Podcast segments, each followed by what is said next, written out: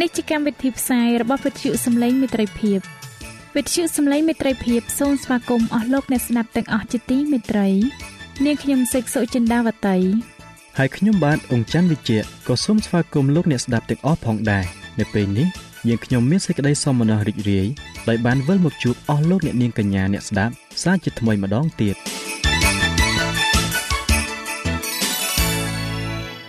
នាងខ្ញុំសេកសុចិន្តាវតី សូមជម្រាបជូនកម្មវិធីផ្សាយដែលមានជាបន្តបន្ទាប់ដូចតទៅនេតិបទទំនាយនិងប្រវត្តិសាស្ត្រនេតិស្ថាបនាកម្ពុជាឲ្យប្រសើរចា៎លោកអ្នកស្ដាប់ជាទីមេត្រី នាងខ្ញុំសូមគោរពអញ្ជើញអស់លោកលោកស្រី អ្នកនាងកញ្ញាតាមដានស្ដាប់កម្មវិធីផ្សាយរបស់វិទ្យុយើងខ្ញុំដូចតទៅ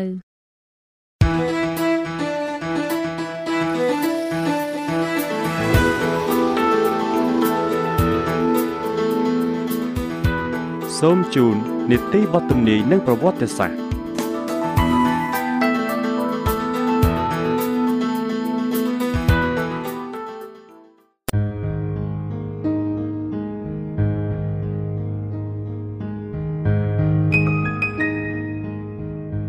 ចា៎នាងខ្ញុំសូមជម្រាបសួរអស់លោកអ្នកស្ដាប់ជាទីមេត្រី នៅក្នុងនេតិបទទំនាយនិងប្រវត្តិសាស្ត្ររបស់យើងអស់លោកអ្នកបានស្ដាប់ខ្លះៗរួចមកហើយ ពីលោក John Wycliffe ភាគទី1ហើយនៅភាគទី2ជាភាគបញ្ចប់នៃជំពូកទី5នេះលោកអ្នកនឹងស្ដាប់តទៅទៀតអំពីរឿងរ៉ាវរបស់លោកពួកវិហារកាតូលិកបានបង្គាប់ឲ្យលោក John Wycliffe ដកពាក្យបើពុំនោះទេគាត់ត្រូវទៅជាប់គុកជាមិនខានតើគាត់សុខចិត្តចុះចាញ់នឹងវិហារកាតូលិកដែរឬទេដើម្បីឲ្យលោកអ្នកបានជ្រាបកាន់តែច្បាស់សូមលោកអនយារ៉ាត់មកជម្រាបជូនលោកអ្នកចា៎បាទសូមអរគុណញ៉ាវតៃ សូមលោកអ្នកតាមដានស្ដាប់ភាពបញ្ចប់ដូចតទៅសូមគ្រប់អញ្ជើញប៉ុន្តែពលកម្មរបស់លោក John Wycliffe ត្រូវបានបញ្ឈប់មួយរំពេចទោះជាមិនទាំងគ្រប់អាយុ60ឆ្នាំផង ការប្រកបការងារឥតស្រាកស្រាន ការសិក្សា ការដកដាននៃពួកសត្រូវ បានធ្វើឲ្យកម្លាំងរបស់គាត់ដុនដាបហើយចាស់មុនអាយុគាត់ក៏កើតមានជំងឺដ៏ធ្ងន់ធ្ងរមួយ ពួកស្មោមបានគិតថា គាត់នឹងលន់តួចំពោះអំពើអាក្រក់ដែលគាត់បានប្រព្រឹត្តដល់ព្រះវិហាររ៉ូមហើយក៏ចេញទៅឯបន្ទប់គាត់ជាប្រញាប់ដើម្បីស្ដាប់ការសារភាពរបស់គាត់គេបានពោលថាអាយុរបស់ឯងជិតអស់ហើយចូលដឹងកំហុសរបស់ខ្លួនទៅ ហើយដកពាក្យដែលឯងបានពោលបង្កាច់យើង នៅនៅមុខយើងនេះទៅ អ្នកកែតម្រង់បានស្ដាប់ដោយស្ងៀមស្ងាត់បន្ទាប់មកគាត់ឲ្យអ្នកមើលថែរក្សាគាត់លើកគាត់ឡើងលើគ្រែដោយសំឡេង យ៉ាងមុតទៅកាន់ពួកគេគាត់បានមានប្រសាសន៍នៅក្នុងសម្លេងដ៏ម៉ឺងម៉ាត់និងម៉ត់ចត់ដែលតែងតែធ្វើឲ្យគេញ័ររន្ធត់ថាខ្ញុំនឹងមិនស្លាប់ឡើយត្រូវតែរស់ហើយប្រកាសអំពីសេចក្តីអាក្រក់របស់ពួកស្មោមតទៅទៀតពួកសង្ឃក៏ប្រញាប់ប្រញាល់ចេញពីបន្ទប់ទាំងអស់ចាលហួសហេតុនិងទាំងអាម៉ាស់មុខលោក John Wycliffe បានរស់នៅរហូតដល់បាន ប្រគល់ដល់ដៃ នៃជួនរួមជាតិរបស់គាត់នៅអាវុធដ៏ខ្លាំងពូកែបំផុតទាស់នឹងរ៉ូមពោលគឺព្រះគម្ពីរដែលជាភ្នាក់ងារតែងតាំងពីស្ថានសួគ៌ដើម្បីរំដោះពន្លឺហើយផ្សាយដំណឹងដល់ប្រជាជន លោក Wycliffe បានដឹងខ្លួនថាគាត់នៅសល់តែ2 3ឆ្នាំទៀតទេ សម្រាប់បម្រើការងារព្រះគាត់បានឃើញឧបសគ្គដែលគាត់ត្រូវជួបប៉ុន្តែដោយសារតែព្រះបន្ទូលរបស់ព្រះ បានផ្ដល់ទឹកចិត្តដល់គាត់គាត់ក៏បានឈានឆ្ពោះទៅមុខ ក្នុងកម្លាំងដ៏បរិបូរណ៍នៃអំណាចប្រាជ្ញាឆ្លៀសវៃរបស់គាត់ដែលពោពេញទៅដោយបទពិសោធន៍នោះទិបញាណរបស់ព្រះ បានរៀបចំគាត់សម្រាប់ការនេះពោលគឺការងារដ៏ធំចម្បង នៅក្នុងលំនៅស្ថាននៃមហាវិទ្យាល័យនៃរដ្ឋ Latterworth អ្នកកែតម្រង់បានធ្វើកិច្ចការរបស់ខ្លួន ដោយមិនខ្វល់ខ្វាយអំពីព្យុះដែលបក់បោកយ៉ាងខ្លាំងនៅខាងក្រៅឡើយទីបំផុតកិច្ចការរបស់គាត់បានសម្រេច គឺព្រះគម្ពីរទី1ដែលបានបកប្រែជាភាសាអង់គ្លេសអ្នកកែតម្រង់បានផ្ដល់ដល់ពួកជនជាតិអង់គ្លេសនៅពន្លឺមួយដែលនឹងគ្មាននរណាពន្លត់បានឡើយការដែលគាត់ខំបំបែកគ្នាបនៃសក្តីល្ងងខ្លៅដើម្បីរំដោះនិងលើកស្ទួយប្រទេសរបស់គាត់នោះឃើញថាហួសពីការទទួលលទ្ធផល ដោយមានជ័យជំនះនៅលើវាលប្រយុទ្ធទៅទៀតមានតែការធ្វើពលកម្មទាំងនឿយហត់ប៉ុណ្ណោះទេទើបនឹងអាចចម្លងព្រះគម្ពីរ ឲ្យបានច្រើនបាន មនុស្សទាំងឡាយបានចាប់ចិត្តចង់អានសិភៅនោះខ្លាំងណាស់រហូតដល់មានការលំបាកដល់អ្នកចម្លងនៅក្នុងការចែកចាយឲ្យទាន់សេចក្តីត្រូវការពួកអ្នកមានគេប្រាថ្នាចង់បានព្រះគម្ពីរទាំងមូលតែម្ដង អ្នកខ្លះទៀតទិញតែមួយផ្នែកមួយផ្នែកក្នុងករណីភាគច្រើនក្រុមគ្រួសារបានរួមគ្នាទិញមួយក្បាលតែម្ដង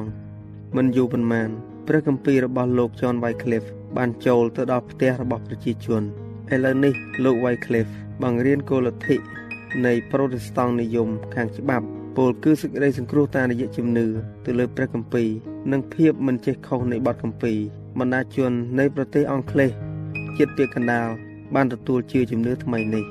អាការៈខាងក្រៅនៃបទគម្ពីរបានធ្វើឲ្យមានការស្រងាក់ចិត្តចំពោះអំណាចព្រះវិហាររ៉ូមនៅពេលនោះប្រទេសអង់គ្លេសមិនទាន់ចេញច្បាប់ហាមមិនឲ្យមានព្រះគម្ពីរនៅឡើយទេ ព្រោះពុំដែលមានបោះពុំជាភាសាដែលប្រជាជននិយាយឡើយតែក្រោយមកច្បាប់នេះត្រូវបានអនុម័តឡើងនិងបង្ខាំងឲ្យប្រតិបត្តិតាមយ៉ាងតឹងរឹងបំផុតពួកអ្នកដឹកនាំនៃព្រះវិហាររ៉ូមបានក្រុងការគ្នាដើម្បីបំបិតមាត់អ្នកកែតម្រង់ជាលើកដំបូងការប្រជុំក្រុមប្រឹក្សាប្រចាំព្រះវិហារនៃពួកសង្ឃជាន់ខ្ពស់បានប្រកាសថាសំណេររបស់គាត់ជាលទ្ធិខុសឆ្គងដោយមានស្ដេចក្មេង Richard ទី2 មកកាន់ខាងខ្លួនហើយ គេក៏បានទទួលព្រះរាជក្រឹត្យមួយ ដែលឲ្យបញ្ជូនអ្នកដែលកាន់លទ្ធិដែលបានហាម5នោះមកដាក់គុកលោក Wycliffe បានអំពាវនាវឲ្យសភាកាត់ក្តីវិញ ជាជាងក្រុមប្រឹក្សាប្រចាំព្រះវិហារនៅចំពោះក្រុមប្រឹក្សាជាតិគាត់បានចោទប្រកាន់ដល់ពួកថ្នាក់ខ្ពស់ដ៏ឥតខ្លាចឡើយហើយទាមទារឲ្យមានការកែតម្រង់ចំពោះសេចក្តីរំលោភដ៏មហិមា ដែលវិហារអនុញ្ញាតឲ្យកើតឡើងសត្រូវរបស់គាត់ក៏មានការភ័ន្តច្រឡំគេបានសង្ឃឹមថា អ្នកកែតម្រង់នឹងអោនទៅតាមអាញាធររបស់ស្ដេចព្រោះគាត់ចាស់ជរាហើយ មានតែម្នាក់ឯងហើយអត់មានមិត្តសម្លាញ់ផង តែផ្ទុយទៅវិញសភាបានភ្ញាក់រលឹកដោយអតោដ៏មើងម៉ាត់របស់ Wycliffe ក៏លើកលែងច្បាប់ផ្ដន់ទាទោសហើយលោកក៏បានទទួលសេរីភាពម្ដងទៀតគេបានយកគាត់មកកាត់ក្តីជាលើកទី3ហើយឥឡូវនេះ ត្រូវកើតឡើងនៅសាលាកាត់ក្តីនៃសាស្ត្រាចារ្យខ្ពស់បំផុត នៅក្នុងអាណាចក្រនៅទីនេះកិច្ចការនៃអ្នកកែតម្រង់នឹងត្រូវបញ្ឈប់លែងមានជារៀងរហូត ពួកកាតូលិករ៉ូមបានគិតដូច្នេះប្រសិនបើគេ អាចសម្រេចគោលបំណងរបស់ខ្លួនបាន លោកជូនវ៉ៃឃ្លីហ្វចេញពីតឡាការសម្ដៅទៅរកអណ្ដាតភ្លើងតែប៉ុណ្ណោះប៉ុន្តែលោកវ៉ៃឃ្លីហ្វពុំបានដកពាក្យឡើយគាត់ បានរក្សាសេចក្តីបង្រៀនរបស់គាត់ហើយច្រានចោលពាក្យចោទប្រកាន់របស់ពួកអ្នកធ្វើទុកបុកម្នេញគាត់បានកោះហៅអ្នកស្ដាប់នៅចំពោះសាលាកាត់ក្តីហើយបានថ្លែងឧបាយកលដ៏ប៉ុនប្រសពនិងការបោកបញ្ឆោតរបស់ពួកគេ ជាមួយនឹងសេចក្តីពិតដ៏អស្ចារ្យអំណាចនៃព្រះញាណបរិសុទ្ធបានសន្ធិដ្ឋជាមួយអ្នកស្ដាប់ពាក្យពេចន៍របស់គាត់បានទម្លុះចិត្តរបស់គេ ដូចជាព្រួញដែលបានបាញ់ចេញពីបំពង់ស្នារបស់ព្រះដូច្នោះ ពាក្យចោទប្រកាន់និងលទ្ធិខុសឆ្គងដែលបានបន្លឺឡើងទាស់ទៅនឹងគាត់គាត់បានបោះទៅលើគេវិញគាត់បានមានប្រសាសន៍ថាតើលោកកំពុងតែប្រជែងជាមួយអ្នកណា ជាមួយមនុស្សចាស់ជរាចិត្តតែនឹងចូលភ្នោហើយឬទេគឺជាមួយព្រះនៃសេចក្តីពិត ជាព្រះដែលខ្លាំងជាងអ្នកហើយមានជ័យជំនះលើអ្នកទៀតផងពលដូច្នោះហើយគាត់ក៏បានដកខ្លួនចេញទៅគ្មានប្រចាំមិត្តណាមួយហ៊ានបញ្ឈប់គាត់ឡើយ កិច្ចការរបស់លោក John Wycliffe បានសម្រេចស្ទើរតែទាំងអស់ហើយ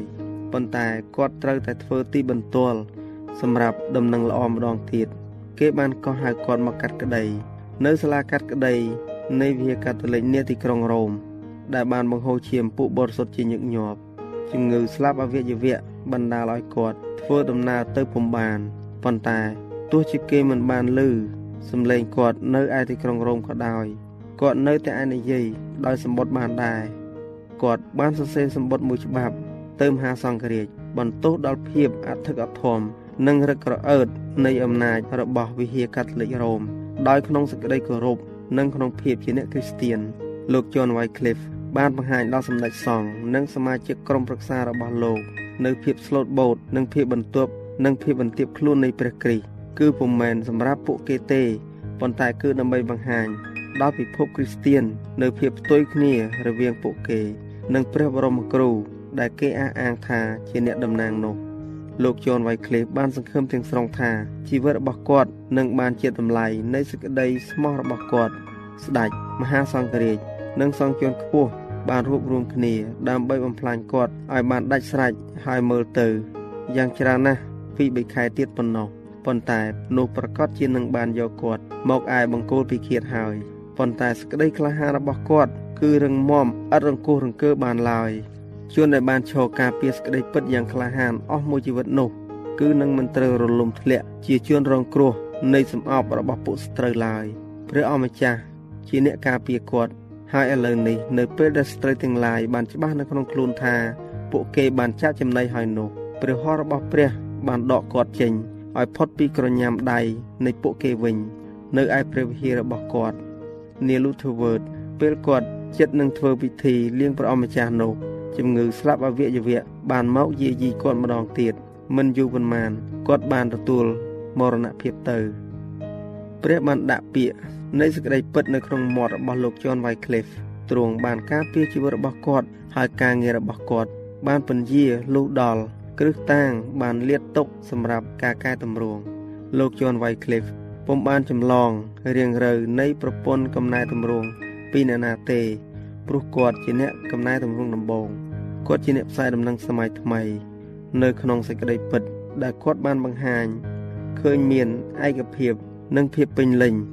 ដែលអ្នកកែតម្រង់ទាំងឡាយនៅចំនួនក្រោយពុំបានធ្វើហួសពីនោះឡើយហើយអ្នកខ្លះពុំបានឈោងដល់ផង ក្រុងនឹងរឿងមមហើយពិតប្រកបណាស់ដែលមិនត្រូវស្ថាបនាឡើងវិញ ដោយពួកដំណរក្រោយឡើយចលនាដ៏ធំលោកវៃឃ្លីបបានធ្វើ ដើម្បីរំដោះប្រជាជាតិដែលបានជក់ចំណងរបស់រ៉ូមជាយូរអង្វែងមកហើយនោះ គឺមានដើមកំណើតក្នុងព្រះគម្ពីរនេះហើយជាប្រភពនៃការប្រទានពរដែលហូរចុះមកដោយជាទឹកចំនួន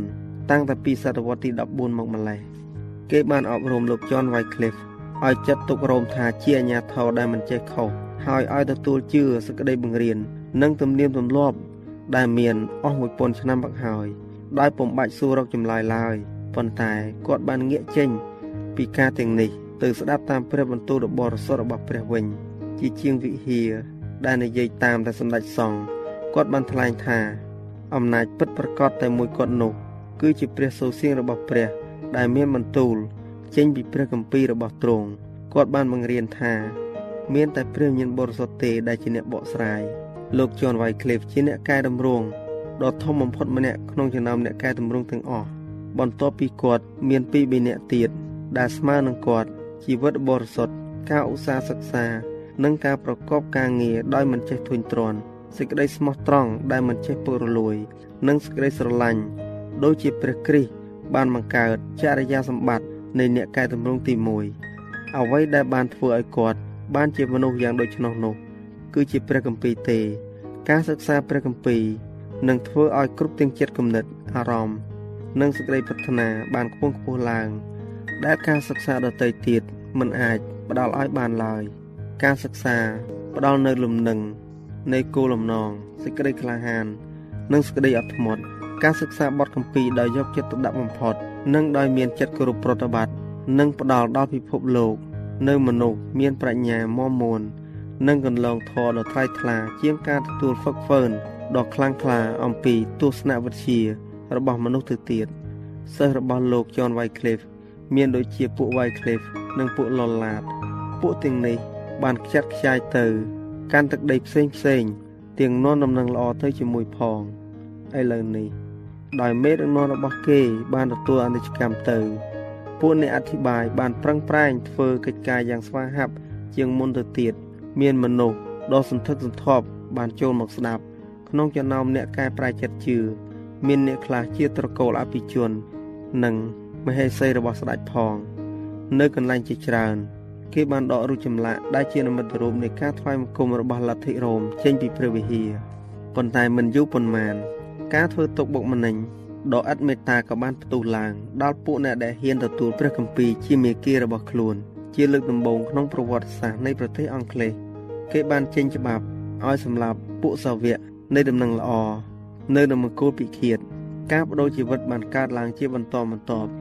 ពួករ៉ូមបាននឹងចាប់ពួកគេ ដោយចាត់ទុកថាជាសត្រូវនៃព្រះវិហារនិងជាអ្នកក្បត់នគរតែអ្នកគ្រប់គ្រងនៃសក្តិពិត នៅតែបន្តផ្សាយដំណឹងនៅក្នុងទីលាក់កំបាំងទៀងរោគទីជំរោគនៅក្នុងផ្ទះអ្នកក្រីក្រ ហើយជាញឹកញយគេបានពួននៅក្នុងច្រកភ្នំ និងរូងភ្នំផង ការប្រឆាំងដ៏មិនឆេវឆាវហើយដ៏អត់ទ្រាំទាស់នឹងអំពើពុករលួយ នៃជំនឿសាសនានឹងត្រូវបានបន្តអស់រាប់សតវត្សពួកគ្រីស្ទាននៅសម័យដើមនោះបានរៀនស្រឡាញ់ព្រះបន្ទូលរបស់ព្រះ ហើយទទួលរងទុក្ខយ៉ាងអត់ធ្មត់ចំពោះការនេះភាកច្រើនបានលះបង់ទ្រព្យសម្បត្តិលោកីសម្រាប់ព្រះគ្រីស្ទអស់អ្នកដែលអនុញ្ញាតឲ្យបានស្នាក់នៅតាមផ្ទះរបស់ខ្លួន បានទំនុកបំរុងពួកស្ងួនភ្ងាដែលគេបំបបង់ចេញ ជ្រកកោនជាមួយដោយរីករាយហើយនៅពេលដែលគេមិនដេញចេញដែរនោះគេបានពេញចិត្តនឹងជីវិតជាជនដែលគេមិនដេញចោលដែរអ្នកដែលធ្វើទីបន្ទាល់ដ៏ឥតខ្លាចអំពីសក្តិពិតក្នុងគុកក្រោមដីនិងនៅពេលដែលគេដាក់ទរណកម្មនិងពេលគេដុតនោះពុំមែនជាចំនួនតិចទេ ពួកគេបានអសប្បាយដោយត្រូវបានរាប់ថាមានតម្លៃដោយសារបានស្គាល់សេចក្តីប្រកបនៅក្នុងការរងទុក្ខរបស់ទ្រង់ សេចក្តីស្អប់ខ្ពើមរបស់ពួកកាតូលិករ៉ូមនៅតែមិនស្កប់ស្កល់ទៀតក្នុងពេលដែលសាកសពរបស់លោក Wycliffe បានស្ថិតនៅក្នុងភ្នូហើយនោះ ជាង40ឆ្នាំបន្ទាប់ពីគាត់បានស្លាប់ទៅ គេបានគាស់យកធាតុរបស់គាត់ទៅដុតជាសាធារណៈហើយចោលផេះទៅក្នុងអូចិត្តខាងនោះទៅអ្នកនិពន្ធចំណាស់ម្នាក់បានមានប្រសាសន៍ថាអូនោះហូរនាំផេះទៅស្ទឹងអេវ៉នហើយពីស្ទឹងអេវ៉នទៅទន្លេសេវិន ពីទន្លេសេវិនទៅឯសមុទ្រហើយក៏ហូរនាំទៅក្នុងមហាសមុទ្រដូច្នេះកំតិចផេះរបស់លោក John Wycliffe ក៏ជានិមិត្តរូបនៃគោលលទ្ធិរបស់គាត់ ដែលឥឡូវនេះត្រូវបានផ្សព្វផ្សាយទូទាំងពិភពលោក តាមរយៈសំណេររបស់លោក John Wycliffe លោក John Huff នៃប្រទេសបូហីម៉ាបានលះបង់ចោលកំហុសជាច្រើន នៃលទ្ធិរ៉ូមនិយម ពីប្រទេសបូហីម៉ាកិច្ចការបានពង្រីកទៅទឹកដីផ្សេងផ្សេងទៀត ព្រះហស្ថរបស់ព្រះបានរៀបចំផ្លូវសម្រាប់កំណែតម្រង់ដ៏ចម្បងចា៎ដោយពេលវេលាមានកំណត់យើងខ្ញុំសូមអនុទីបទទំនាយនិងប្រវត្តិសាស្ត្រត្រឹមតែប៉ុណ្ណឹងសិនចុះដោយសន្យាថានឹងលើកយកនីតិនេះមកជម្រាបជូនជាបន្តទៀតនៅថ្ងៃអង្គារសប្តាហ៍ក្រោយ សូមអរគុណ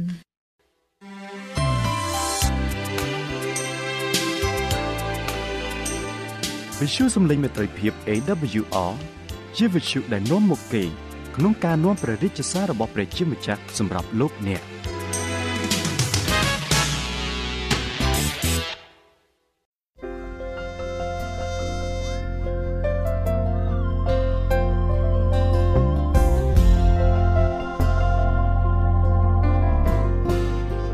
សូមជម្រាបសួរអស់លោកលោកស្រីអ្នកនាងកញ្ញាអ្នកស្ដាប់វិទ្យុសំឡេងមេត្រីភាពជាទីមេត្រី នាងខ្ញុំមានសេចក្តីសោមនស្សរីករាយដែលបានវិលមកជួបប្រិយមិត្តអ្នកស្ដាប់សាជាថ្មីម្ដងទៀតក្នុងកម្មវិធីស្ថាបនាកម្ពុជាឲ្យប្រសើរនៅថ្ងៃនេះនាងខ្ញុំសូមលើកយកមេរៀនទី3ភាគទី2ដែលជាភាគបញ្ចប់ក្រោមចំណងជើងថាមេរៀនពីប្រវត្តិសាស្ត្រកាលពីភាគទី1អស់លោកអ្នកនាងកញ្ញាបានស្ដាប់រួចបង្ហើយអំពី មូលហេតុដែលសហភាពសូវៀតនិងរបបខ្មែរក្រហមបានរលំ និងពីបរាជ័យនិងសេចក្តីសោកស្ដាយរបស់លោកណាប៉ូលេអុងបូណាផាត នៅថ្ងៃនេះនាងខ្ញុំនឹងជម្រាបជូនជាបន្តទៅទៀតអំពីប្រវត្តិសាស្ត្រសង្គ្រាមស៊ីវិលនៅសហរដ្ឋអាមេរិក និងសង្គ្រាមនៅឥណ្ឌានិងសន្ទរកថាដ៏ល្បីល្បាញរបស់ប្រធានាធិបតីអាប់រ៉ាហាំលីងខុនដូច្នេះសូមអស់លោកលោកស្រីអ្នកនាងកញ្ញាតាមដានស្ដាប់ដូចតទៅ មុនពេលដែលប្រទេសឥណ្ឌាទទួលឯករាជ្យពីអង់គ្លេសនៅឆ្នាំ1947មានចម្បាំងមួយដ៏ធំកើតឡើងរវាងពួកហិណ្ឌូនិងពួកមូស្លីមនៅឯទីក្រុងកាល់កុតាវិញ មានការប្រយុទ្ធមួយដ៏សាហាវក្រៃលែងមហាថ្មកណ្ឌីដែលកាលនោះមានអាយុ77ឆ្នាំដើរកងក្នុងទៅហើយនោះ បានដើរចូលទៅក្នុងទីក្រុង ពួកមហាជនដែលមានចិត្តក្រៀវក្រោតបានចោលដុំថ្ម និងដបមកលើគាត់ គាត់បានលើកដៃឡើង រួចមានប្រសាសន៍ថា ពួកអ្នករាល់គ្នាចង់ធ្វើការអាក្រក់មកលើខ្ញុំ ដែលខ្ញុំមកនេះដើម្បីនឹងបំរើអ្នករាល់គ្នាគឺថាទាំងពួកហិណ្ឌូក៏ដូចជាពួកមូស្លីមដែរឥឡូវខ្ញុំផ្ញើជីវិតនឹងអ្នករាល់គ្នាបើអ្នករាល់គ្នាចង់សម្លាប់ខ្ញុំសម្លាប់មកចុះខ្ញុំក៏មិនរស់នៅបានយូរប៉ុន្មានដែរបើអ្នករាល់គ្នាជាមនុស្សឈួតម្ដងទៀតនោះខ្ញុំនឹងមិនបានធ្វើជាសាក់សីនឹងហេតុការណ៍នោះទេ នៅថ្ងៃបុណ្យឯករាជ្យទីក្រុងកាល់កូតាមានសភាពស្ងប់ស្ងាត់ជារៀងរាល់ល្ងាចមនុស្សរាប់រយនាក់រួចមករាប់ពាន់នាក់បានចូលមកស្ដាប់ការព្រានប្រដៅរបស់លោកកាន់ឌីអំពីភេរភាពនិងសន្តិភាពតែក្នុងរយៈពេល16ថ្ងៃប៉ុណ្ណោះការវាយប្រហារគ្នាបានឈប់រួចមកមានពួកមូស្លីមម្នាក់ត្រូវបានគេសម្លាប់ពេលនោះការវាយប្រហារគ្នាចាប់ផ្ដើមកើតឡើងវិញ លោកកាន់ឌីបានធ្វើទុក្ករកិរិយាតមអាហារឲ្យស្លាប់ខ្លួន ដំបូងគ្មាននរណាម្នាក់យកចិត្តទុកដាក់ឡើយដោយគេគិតថាការសងសឹកវាសំខាន់ជាងការលើកលែងទោសឲ្យគ្នាទៅវិញទៅមកពេលនោះបេះដូងរបស់លោកលែងចង់កម្រើកតទៅទៀតហើយសម្ពាធឈាមរបស់លោកក៏ធ្លាក់ចុះដល់កម្រិតទាបមែនទែនពួកកបកទាំងឡាយបានបង្អង់ហើយនាំគ្នាស្ដាប់សេចក្តីរាយការណ៍ដែលបានជូនដំណឹងថាព្រឹទ្ធាចារ្យនោះចិត្តផុតដង្ហើមហើយអំពើខូខើបានឈប់ ព្រោះគ្មាននរណាម្នាក់ចង់ឲ្យបុគ្គលដ៏ឆ្នាំនោះស្លាប់ឡើយនៅថ្ងៃបន្ទាប់ពួកមេកបកបានចូលមករកលោកកាន់ឌីហើយបានដាក់អាវុធរបស់គេចុះនៅទៀតនឹងជើងរបស់លោក គេបាននាំគ្នាសូមអភ័យទោសលោកកាន់ឌីបានឈប់តបអត់អាហារហើយក្រុងកាល់គូតាបានសុខសាន្តទៅ ប្រិយមិត្តអ្នកស្ដាប់ជាទីមេត្រីពេលដែលសង្គ្រាមស៊ីវិលនៅក្នុងស្រុកអាមេរិកជិតចប់លោកអាប់រ៉ាហាំលីងខុនបានថ្លែងសន្ទរកថាទៅកាន់ប្រជាជាតិដើម្បីអំពាវនាវឲ្យអ្នកទាំងអស់គ្នាជួយក្នុងកិច្ចការស្ថាបនាប្រទេសជាតិឡើងវិញប្រសាសន៍របស់លោកក្នុងវគ្គបញ្ចប់នៃសន្ទរកថាមានន័យយ៉ាងសំខាន់ចំពោះអ្នកដែលបានទទួលមហន្តរាយដោយសង្គ្រាមដោយគ្មានគំនិតគុំគួននឹងបុគ្គលណាម្នាក់ដោយមានទឹកចិត្តសប្បុរសដល់មនុស្សគ្រប់គ្រប់គ្នា ដោយប្រកាន់ភ្ជាប់នៅកតិយុត្តធម៌ដូចជាព្រះអង្គម្ចាស់បានឲ្យយើងយល់នៅភាពត្រឹមត្រូវនោះ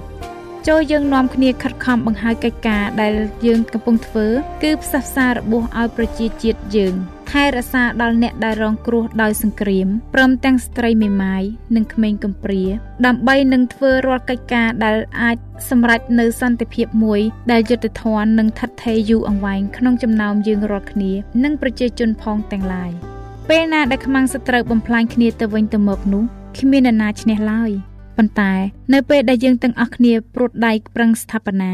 ហើយឈប់បំផ្លិចបំផ្លាញនោះទាំងអស់គ្នានឹងបានទទួលជោគជ័យវិញប្រជាជាតិមួយខ្លាំងពូកែទៅបានកាលណាមេដឹកនាំគិតគូរដល់ប្រជាពលរដ្ឋជាជាងខ្លួនឯងមេដឹកនាំសឹកចិត្តបែងអំណាចនឹងមនុស្សឯទៀត មេដឹកនាំចេះគោរពសិទ្ធិប្រជាពលរដ្ឋនិងមានការផ្ដល់សេរីភាពនិងយុត្តិធម៌ដល់មនុស្សគ្រប់គ្រប់គ្នា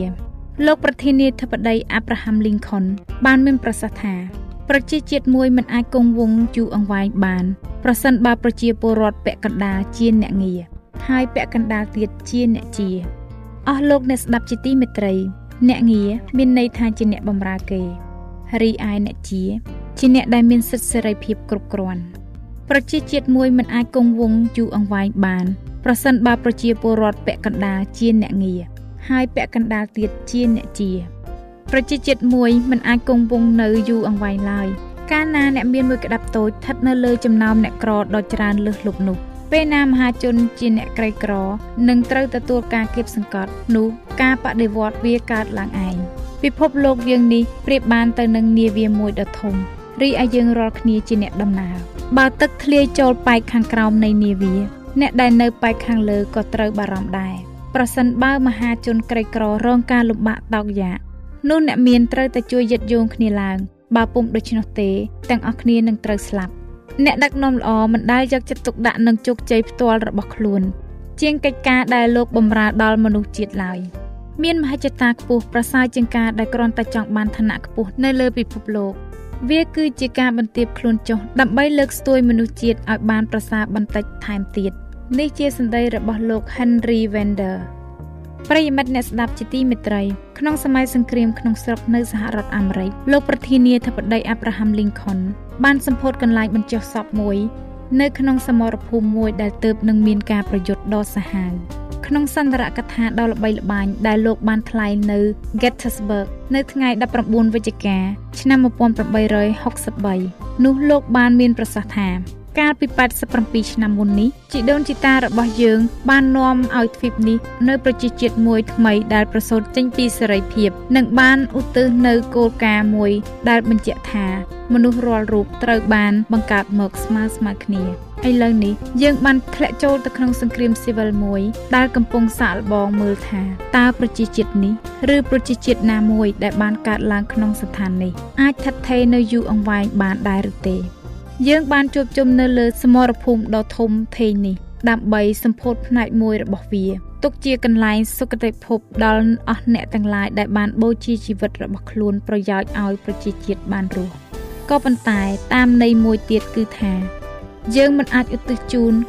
យើងមិនអាចធ្វើឲ្យបរិសុទ្ធយើងមិនអាចគោរពបូជាទឹកដីនេះឲ្យលើសជាងនេះទៅទៀតបានឡើយព្រោះថាវីរៈបរោះរបស់យើង ទាំងរស់ទាំងស្លាប់ដែលបានប្រយុទ្ធនៅសមរភូមិនេះបានធ្វើកន្លែងនោះឲ្យបរិសុទ្ធរួចទៅហើយលើសលប់ជាងអំណាចរបស់យើងដែលបន្ថែមឬបន្ថយបានផងគប្បីឲ្យយើងរាល់គ្នាដែលនៅរស់តាំងចិត្តដើម្បីសរឲ្យឃើញថាអស់អ្នកដែលបានស្លាប់ទាំងនោះមិនបានស្លាប់ដោយឥតប្រយោជន៍នោះទេ គឺថាសេរីភាពនឹងចាប់កំណើតថ្មី និងប្រជាជាតិដែលនឹងមានរដ្ឋាភិបាលជារបស់ប្រជាពលរដ្ឋ កើតឡើងដោយសារប្រជាពលរដ្ឋនិងសម្រាប់ប្រជាពលរដ្ឋដែលនឹងមិនត្រូវវិនិច្ឆ័យអន្តរាយពីផែនដីឡើយ។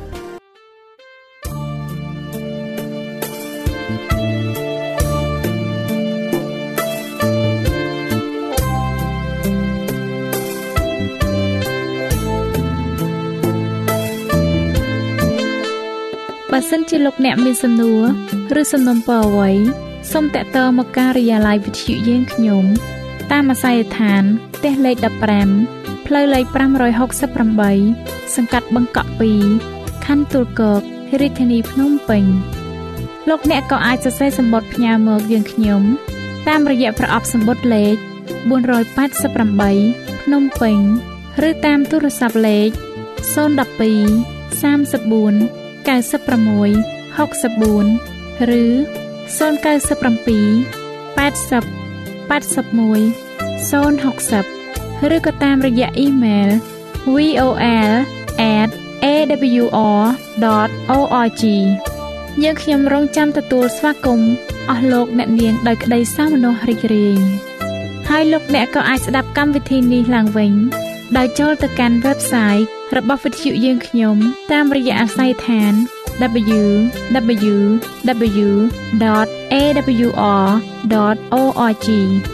លោកអ្នកនាងកញ្ញាជាទីមេត្រី កម្មវិធីផ្សាយរបស់វិទ្យុសំឡេងមេត្រីភាពនៅពេលនេះសូមបញ្ចប់តែប៉ុណ្ណេះយើងខ្ញុំសូមអរគុណចំពោះការតាមដានស្ដាប់របស់អស់លោកអ្នកតាំងពីដើមរហូតដល់ចប់យើងខ្ញុំសូមជូនពរឲ្យអស់លោកអ្នកនាងកញ្ញាទាំងអស់បានចម្រើនឡើងក្នុងព្រះគុណព្រះអង្គម្ចាស់ហើយក្នុងការទទួលយកព្រះយេស៊ូវគ្រីស្ទជាព្រះអង្គម្ចាស់ និងជាព្រះអង្គសង្គ្រោះនៃយើងរាល់គ្នានាទីផ្សាយរបស់វិទ្យុយើងខ្ញុំនឹងវិលមកជួបអស់លោកអ្នកសាជាថ្មីម្ដងទៀតនៅថ្ងៃស្អែកវេលាម៉ោងដដែលនាងខ្ញុំសេកសុចិន្តាវតីនិងខ្ញុំបាទអ៊ំច័ន្ទវិជ្ជៈសូមអរគុណសូមជម្រាបលា